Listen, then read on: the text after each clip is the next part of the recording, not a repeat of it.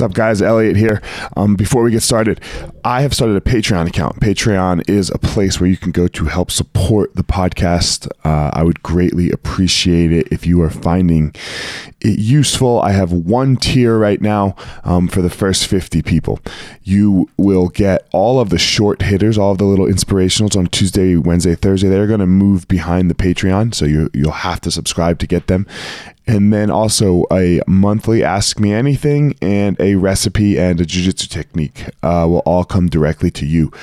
And that's it. So patreon.com backslash elliot marshall and thank you all for your help. My friends i hope you're happy healthy safe. My power. This idea of my power that i talked about i can survive. I will survive and not that I will that that I'm going to survive cancer because we don't know what's going to take us out. Something is going to take us out. We don't know what that is. And not that I don't break because I definitely break. All of us break. But you come back. But you come back. I was talking to my friend. Uh, I was on the podcast, the Jessica Berg episode. And she said she quit on herself and she had given up on herself. And I said, No, you didn't. You you dove in.